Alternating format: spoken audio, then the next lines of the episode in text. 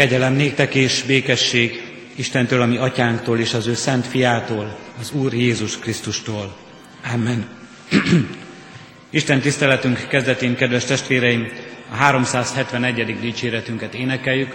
A 371. dicséretünk gyülekezetünkben szeptember hónap éneke. Annak első versét fennállva énekeljük, majd helyünket elfoglalva énekeljük végig a dicséretünket. Az első vers így kezdődik, Jézus Krisztus egy mesterünk.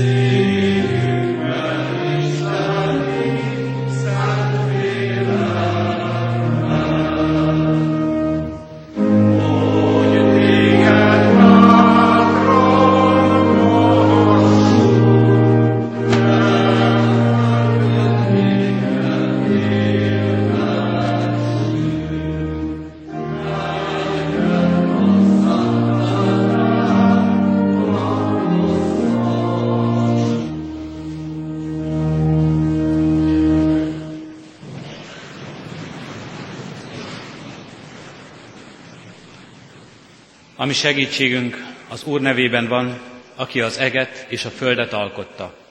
Amen. Hallgassuk meg Isten írott igéjét nyitott szívvel, ahogy szól hozzánk a Zsoltárok könyvének 116. fejezetéből. Isten igéje így szól. Szeretem az Urat, mert meghallgatja könyörgésem szavát. Fölém fordította fülét, ezért őt hívom segítségül, amíg csak élek. Körülfontak a halál kötelei, a sírtól való rettegés fogott el engem, nyomorúságban és bánatban vagyok, de az Úr nevét hívom segítségül. Ó, Uram, ments meg életemet! Kegyelmes és igazságos az Úr, irgalmas a mi Istenünk. Megőrzi az Úr az együgyűeket, elesett vagyok, de ő megsegít. Légy újból nyugodt lelkem, mert jól bánt veled az Úr.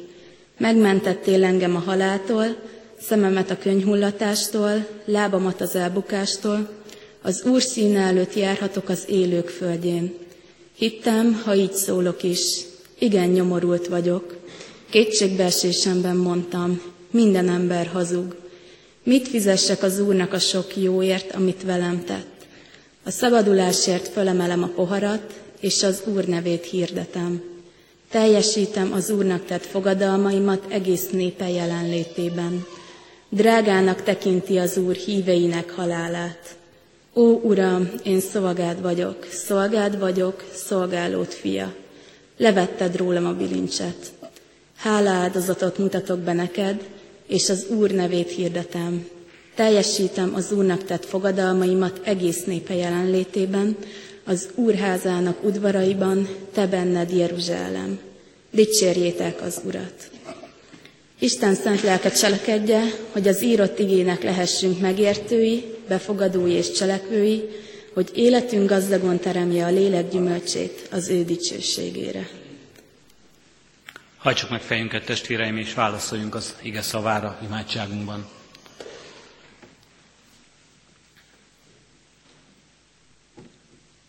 Megállunk, Urunk, előtted, és kitárjuk előtted egész életünket, lelkünket, szívünket. Semmit sem rejthetünk el előled, Urunk, Te jól ismered gondolatainkat, érzéseinket, szándékainkat. Jól látod cselekedeteinket, amelyeket titokban teszünk azt is, amelyeket magunk előtt rejtegetünk azokat is. Urunk Istenünk, így állunk meg előtted, teljesen nyíltan, semmit el nem rejtve előled. Így tárulkozunk ki előtted, Urunk, és mutatjuk meg a mi életünket, mutatjuk meg neked bűneinket is, és valljuk azt előtted, és mutatjuk fel előtted alkalmatlanságunkat, Urunk, és szomorkodunk amiatt, és mutatjuk és látjuk szentségtelen életünket, Urunk, amely oly messze és távol van tőled. Mégis körül, örülünk, Urunk, és köszönjük neked, hogy Te ezt a távolságot mind-mind legyőzöd és legyőzheted. Te közel jössz hozzánk, egészen közel. Most is itt akarsz lenni az igében, annak tanításában. Itt akarsz lenni velünk és közöttünk szent lelked által, hogy vezess, hogy igédben biztos, hogy erősíts, hogy bátoríts, hogy készé és alkalmassá tégy, hogy eléd állhassunk. Urunk Istenünk, itt vagy és jelen vagy szeretetedben, könyörülő írgalmadban, és mi ebben reménykedve kérünk és könyörgünk, fogadj el minket gyermekeidként. Változtass életünket, nevelj minket, Urunk, erősíts a hitben, a Te követésedben. Kérünk és köszönjük, Urunk, hogy kérhetünk, hogy Te mindezt megcseleked, és megcseleked, megcselekszed életünkben. Hallgass meg, kérünk, Atya, Fiú, Szentlélek, Isten. Amen. Kedves testvérek, ige hallgatására készülve a 116. Zsoltárunknak első versét énekeljük. A 116. Zsoltárunk első versét, mely így kezdődik. Szeretem és áldom az Úristent.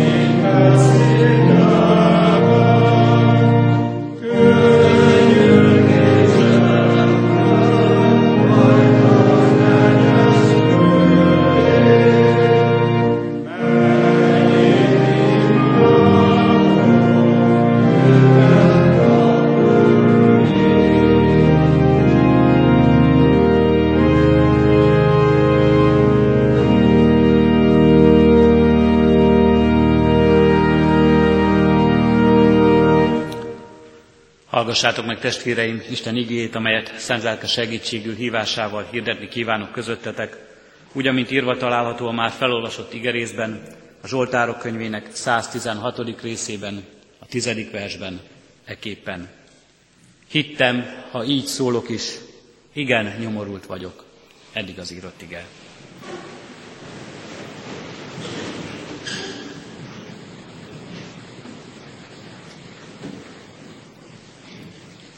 Kedves testvérek, hittem, azért szóltam, így fordítja le Károli Gáspár igénk első tagmondatát.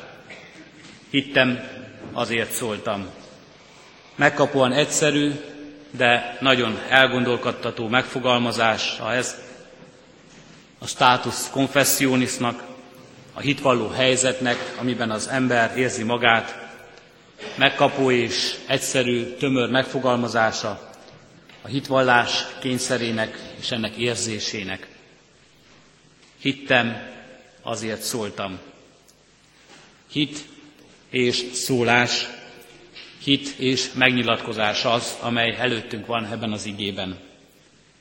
Játszunk most egy kicsit a szavakkal, forgassuk meg magunkban ezt a két kifejezést, hitet és megnyilatkozást, hitet és szólást, és gondoljuk át komolyan ennek a két meghatározó fogalomnak és érzésnek a viszonyát. Maradjunk azonban e játék, e komoly elmélkedés során az egyes szám első szemében való megfogalmazásban hittem, azért szóltam, mert bár látni fogjuk, hogy szívesen kategorizálnánk másokat az úgynevezett világot egy-egy viselkedés típusba, de nem biztos, hogy külön-külön a másik emberben, nem biztos, hogy a szomszédunkban, a partársunkban, a rokonunkban kell felfedeznünk egy-egy ilyen kategóriát. Lehet, hogy az ige, az ige igazsága rólunk szól, rólam szól az ige. Rólam a múltamban, rólam éppen most, ebben a jelenben, ezekben a napokban, rólam szólhat a jövőmben. Hit és szólás. Hittem, ha így szólok is, hittem, azért szóltam, szól az ige hozzánk. Kicsit játszunk a szavakkal, és vegyük komolyan a gondolatokat. Van olyan kategória, amikor így is fogalmazhatnánk meg mindezt, vagy így fogalmazhatnánk ezt emberi igazságként. Nem hittem, és nem szóltam. Vagy jelen időben nem hiszek, és nem szólok. Sokszor sokan így éljük, így élik az életüket ebben a világban. Nincs mit mondanom ennek a világnak a dolgairól. Nincs mögötte sem ismeret, amelyben biztos lehetnék, nincs mögötte sem hit, nincs benne, és nincs ezért vélemény, és nincs benne szándék. Csak vagyok ebben a világban.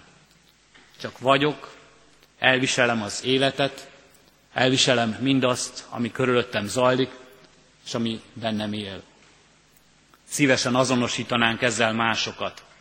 Nemrég olvastam egy rövid kis tanulmányt arról, hogy Nagy-Britanniában a fiatalok, a mai tinédzserek milyen motivációval élik az életüket, és valójában ez ütközött vissza, hogy ez volt a legmegrémisztőbb a tanulmányt készítők számára, hogy nincs motiváció, nincs semmi, ami mozgatná ezeket a fiatalokat, sem érzéseikben, sem valamilyen törekvés, ami felé indulnának.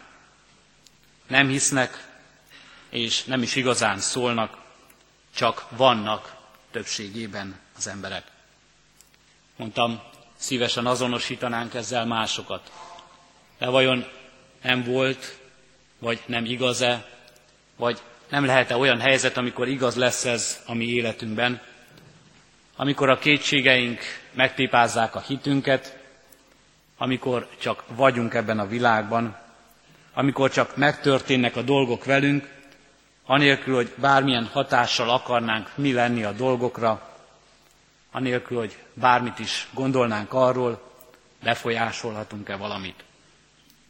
Ez a csak lét. Nem hittem és nem szóltam. A Bibliában van egy történet, ami igazából egy hívő emberről szól, akiről mégis ez, ez az ítélet adatik, hogy nem hitt és nem is szólt, nem is szólhatott. Mert máshogy is igaz ez. Ez a történet keresztelő János születése előtt van, Zakariásról, az ő apjáról szól. Aki, amikor az angyal megjelenti neki a csodálatos örömhírt, hogy meghallgattattak az ő könyörgései, és gyermeke fog születni, akkor hitetlenkedve mondja, hogy hogyan lehetséges ez, lehetetlen ez, hiszen én már öreg vagyok. És az angyal szinte szó szerint ezt mondja, ezt az ítéletet mondja ki Zakariás fölött. Nem hittél, és ezért néma leszel, amíg mindez meg nem történik. Nem hittél, és nem szólhatsz. Nem csak úgy igaz ez az ítélet az emberek fölött, hogy mi magunk érezzük magunkat ebben az ítéletben, magunkat sodorjuk ebbe, hogy nem hiszünk és nem szólunk, mert nincs mit mondanunk ebben a világban, hanem Isten ítélete is lehet ez rajtunk. Úgynevezett zakariásokon, hívő embereken, Isten szolgáin. Ha nem hiszünk, nem lesz mit mondanunk. Ha nem hiszünk, nem tudunk mit mondani a világnak, amit elfogadhatna, ami értelmes lenne, ami befolyással bírna a világ sorsára, az emberek életére, ami befolyással bírna a mi életünkre. Keresztelő János apjának, Zakariásnak a példája erre is tanít minket. Ha nem hiszünk, nem tudunk igazán szólni sem. Azután van olyan fázis, van olyan élethelyzet talán, amikor azt éljük meg, hogy nem hittem, de szóltam. Azt gondoljuk, és szívesen mondjuk azt, na ezzel aztán tele van ez a világ, amelyben élünk. A hitetlenség hangjával. Nem hisznek az emberek, de szólnak, de mondják. A hitetlenség hangja és a hamis hitek hangja, amely szüntelenül árad, árad, és nagyon hangosan van jelen világunkban. Sokszor úgy érezzük, és sokszor azt látom én is, mint három gyermekes apa, hogy azt gondolja ez a világ, hogy annak van igaza, aki hangosabb, annak van igaza, aki sokkal jobban mondja a maga igazságát, a maga meggyőződését. Annak van igaza, és az győz, aki hangosabban szól.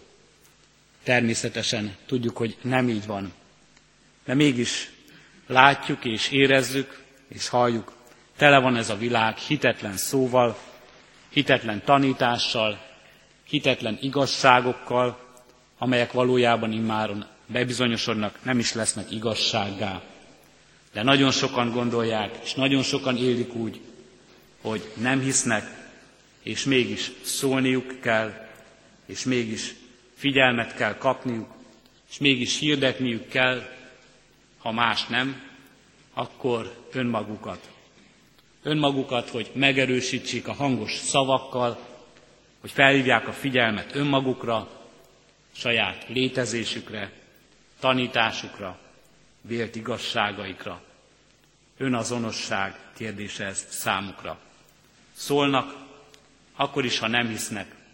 Szólnak, és sokszor szólunk mi is, akkor is, ha igazán nincs mit vallanunk. De akarjuk jelezni, hogy itt vagyunk, akarjuk tudatni mindenkivel, hogy figyeljen ránk. Nem hittem, és szóltam.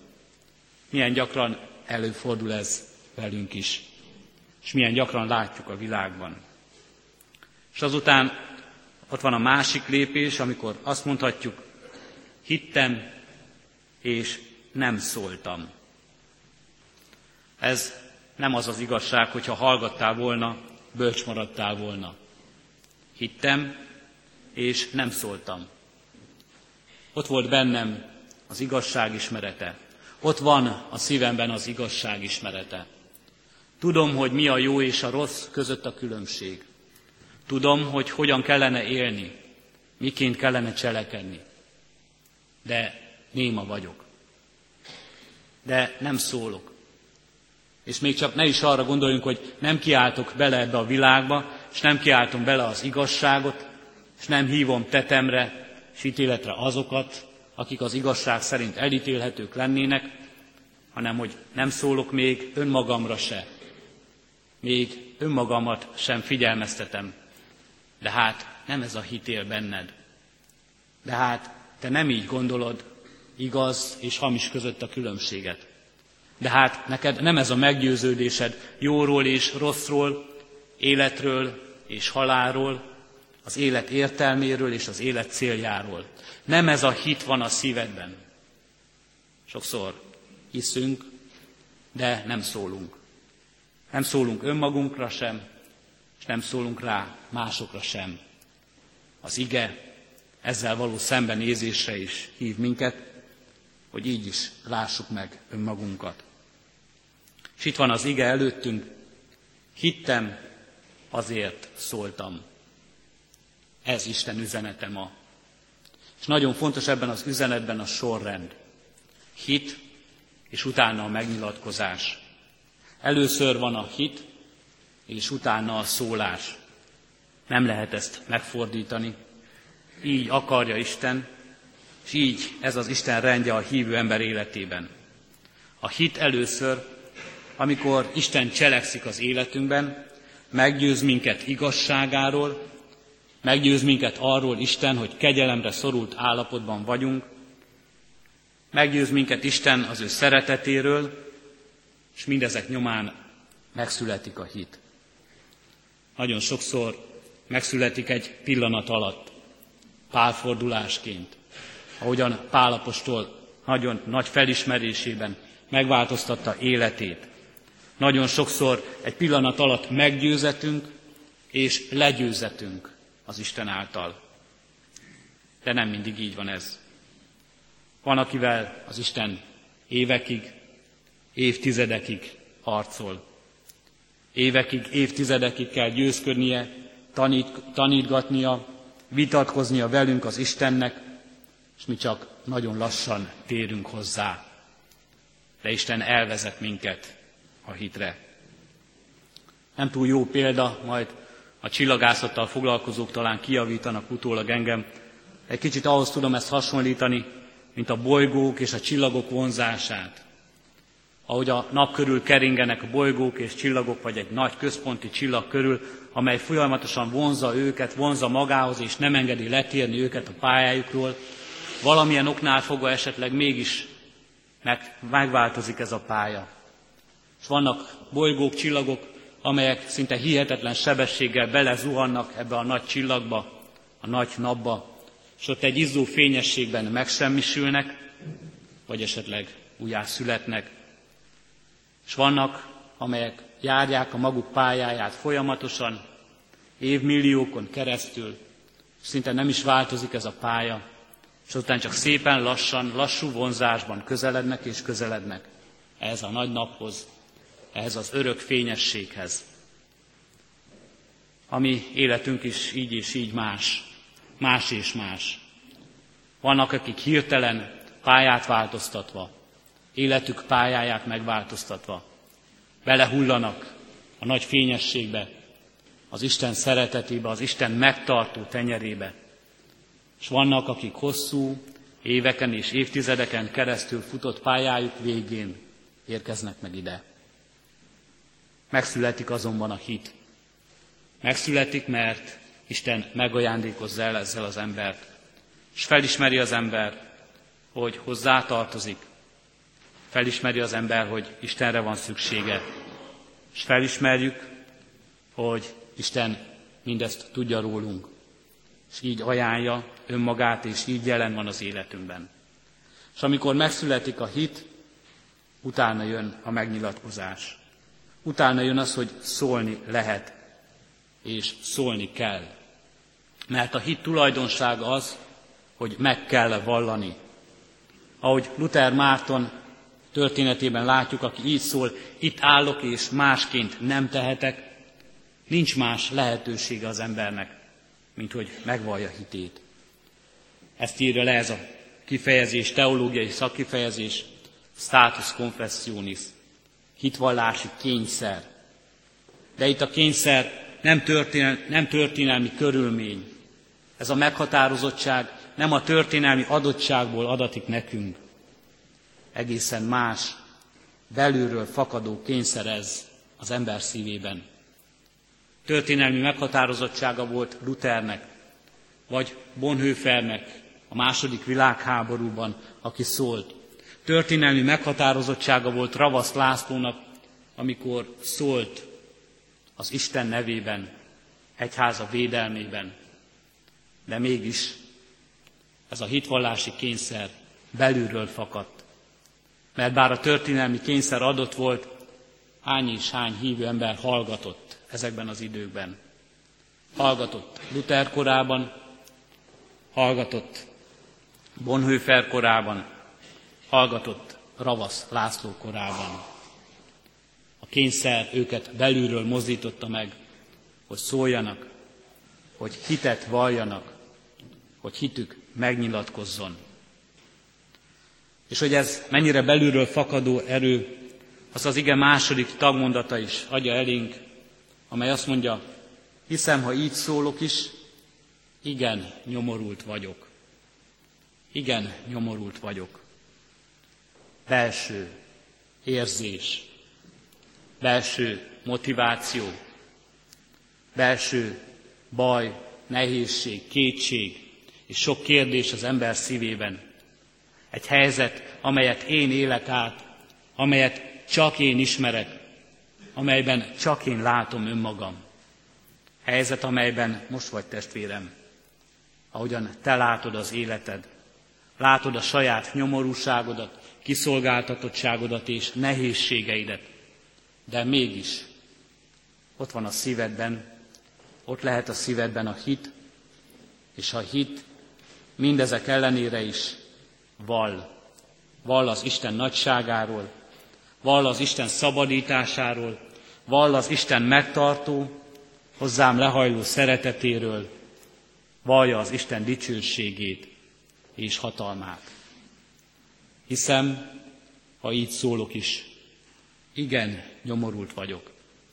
Mert először a hit, és utána a hitvallás. Mert ha nincs hit, az ember csak a maga nyomorúságát látja. Azt, hogy mennyire véges, kiszolgáltatott az életünk. Mennyi minden tudja megtépázni, ami erőnket, tudásunkat, magabiztosságunkat. Mennyi minden alkalmas arra, hogy mindezt semmivé tegye.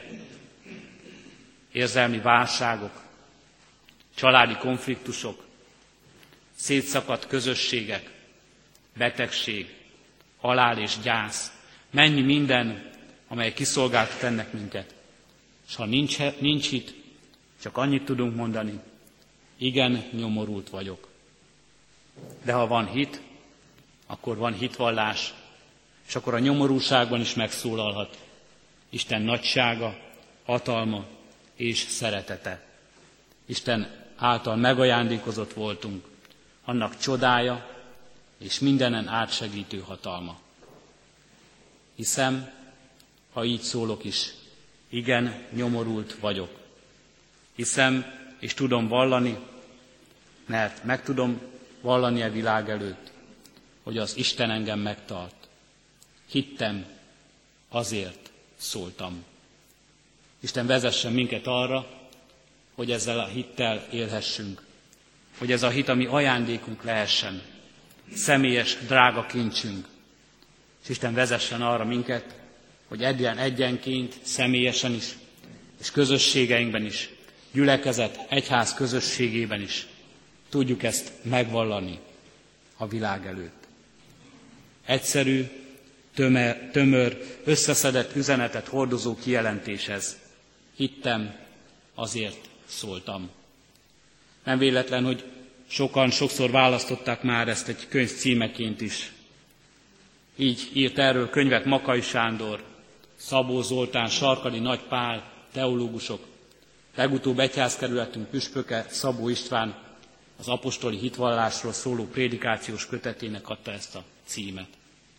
Hittem, azért szóltam, mert az egyházhoz, az egyház lényegéhez tartozik mindez. A hit, a hitre jutás közössége, helye, megélhető, drága ajándéka és a hitvallás küldetése és feladata. Mindannyian, akik Krisztus egyház tagjai vagyunk, ezt kaptuk tőle ajándékba. Amen. A 116. Zsoltárunk 10. versét énekeljük. A 116. Zsoltárunk 10. versét, mely így kezdődik. Áldozom néked hálaadással. thank you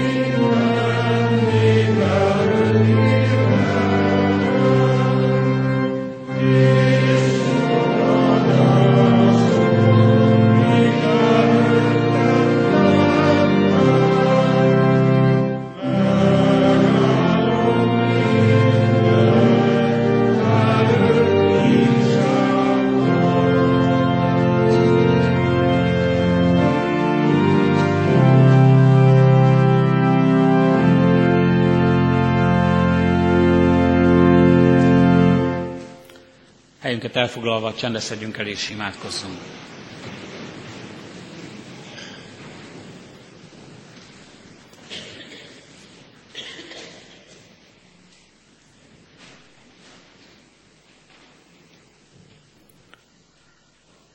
Köszönjük, Urunk, az igét, a tanítást, az emlékeztetést.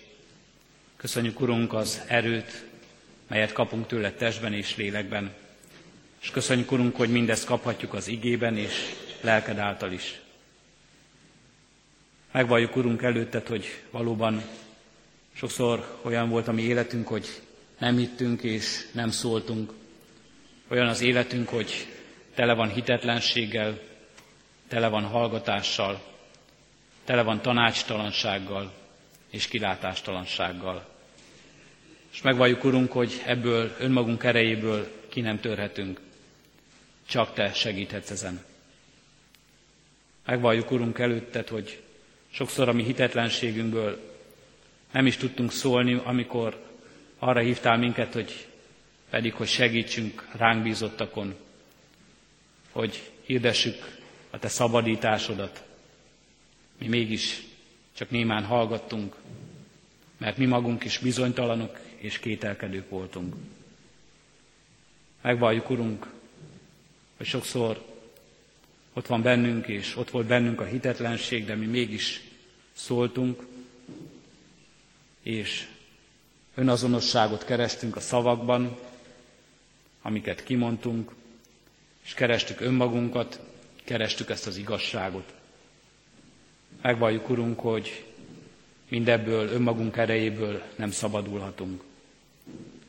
Csak önmagunkat keressük valóban sokszor ebben a világban, és nem téged, nem a te akaratodat, nem a te igazságodat. És megvalljuk, Urunk, hogy sokszor gyávák voltunk, hogy szóljunk, még akkor is, ha ismertük az igazságot. Gyávák voltunk, Urunk, még akkor is, ha Te buzdítottál minket arra, hogy tegyük és cselekedjük a jót, és dicsőítsük a Te nevedet. Kérünk és könyörgünk, Urunk, bocsáss meg nekünk ezért. Bocsáss meg, Urunk, azért is, ha szóltunk, de ami szólásunk, ami cselekedetünk miatt inkább káromlás szállt a nevedre, mint dicsőítés. Kérünk és könyörgünk, Urunk, Te állíts minket helyre, hogy legyen élő és igaz hitünk, amely hozzád kapcsolja életünket. és legyen hitvallásunk bölcs, bátor és szerinted való. És ezért kérünk, Te adj nekünk, Urunk, szavakat, Te adj nekünk, Urunk, cselekedeteket, Te adj nekünk, Urunk, hűséget és helytállást azokban a szolgálatokban, amelyekre hívsz minket. Te légy velünk, Urunk, szent lelked által. Urunk Istenünk, ad, hogy így állassunk oda szenvedők és kiszolgáltatottak mellé. Így állassunk oda hitetlen emberek mellé. Így lehessen a mi életünk példája, szép bizonyságtétel a Te szeretetedről, a Te könyörülő írgalmadról. Így tudjunk, Urunk, erősíteni kétségek között vergődő embereket, így úgy tudjunk, Urunk, erősíteni betegeket, és tudjunk nekik bátorítást adni.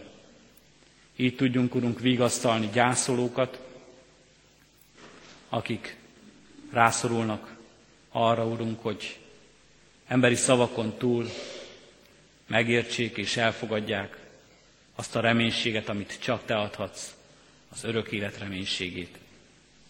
Kérünk és könyörgünk, Urunk, add, hogy mi lehessünk valóban a Te szószólóid, a Te igazságodat és a Te üzenetedet hirdessük, és éljük meg ebben a világban.